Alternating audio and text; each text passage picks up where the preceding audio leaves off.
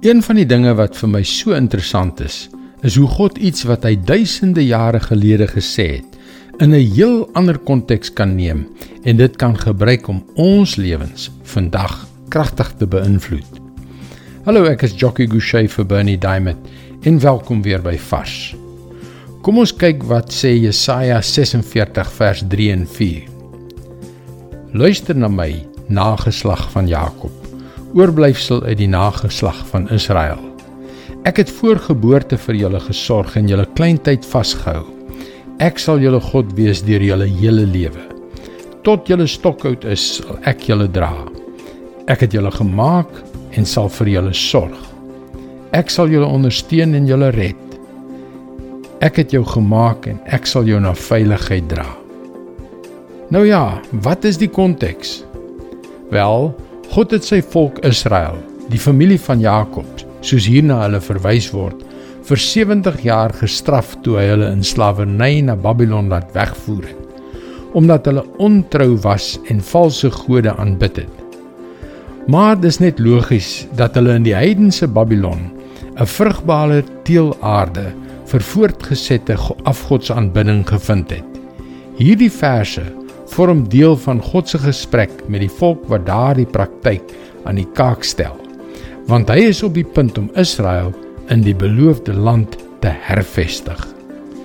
Dit is 'n angswekkende tyd vir Israeliete, want die meeste van hulle het hulle hele lewe as slawe geleef. Hulle vra hulle self af of God hulle werklik gaan terugneem na hierdie land waarvan hulle nog net gehoor het en hoe dit hulle lewens sou verander sou dit gevaarlik wees. Maar hier is die uitklophou. Ten spyte van al hulle vrese en mislukkings, ten spyte van hulle ontrouheid, het God getrou gebly. Ten spyte van ons ontrou, bly God steeds getrou.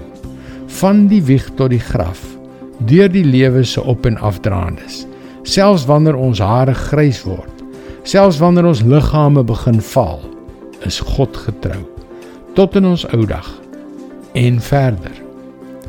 Wat ook al jou situasie, wat ook al jou vrese en mislukkings, wat ook al jou ouderdom, onthou dit. God is getrou. Dis sy woord vars vir jou vandag. En as jy vandag soos Israel destyds dinge in jou lewe aan die gang het, jy weet wat ek bedoel. Wees verseker dat die enigste soort gebed waarvan die Bybel ons leer is die soort wat kragtige resultate het. Jy kan ook daagliks boodskappe soos hierdie per e-pos ontvang deur by varsvandag.co.za in te teken. Luister weer maandag op dieselfde tyd op jou gunstelingstasie na nog 'n vars boodskap. Seënwense en mooi loop.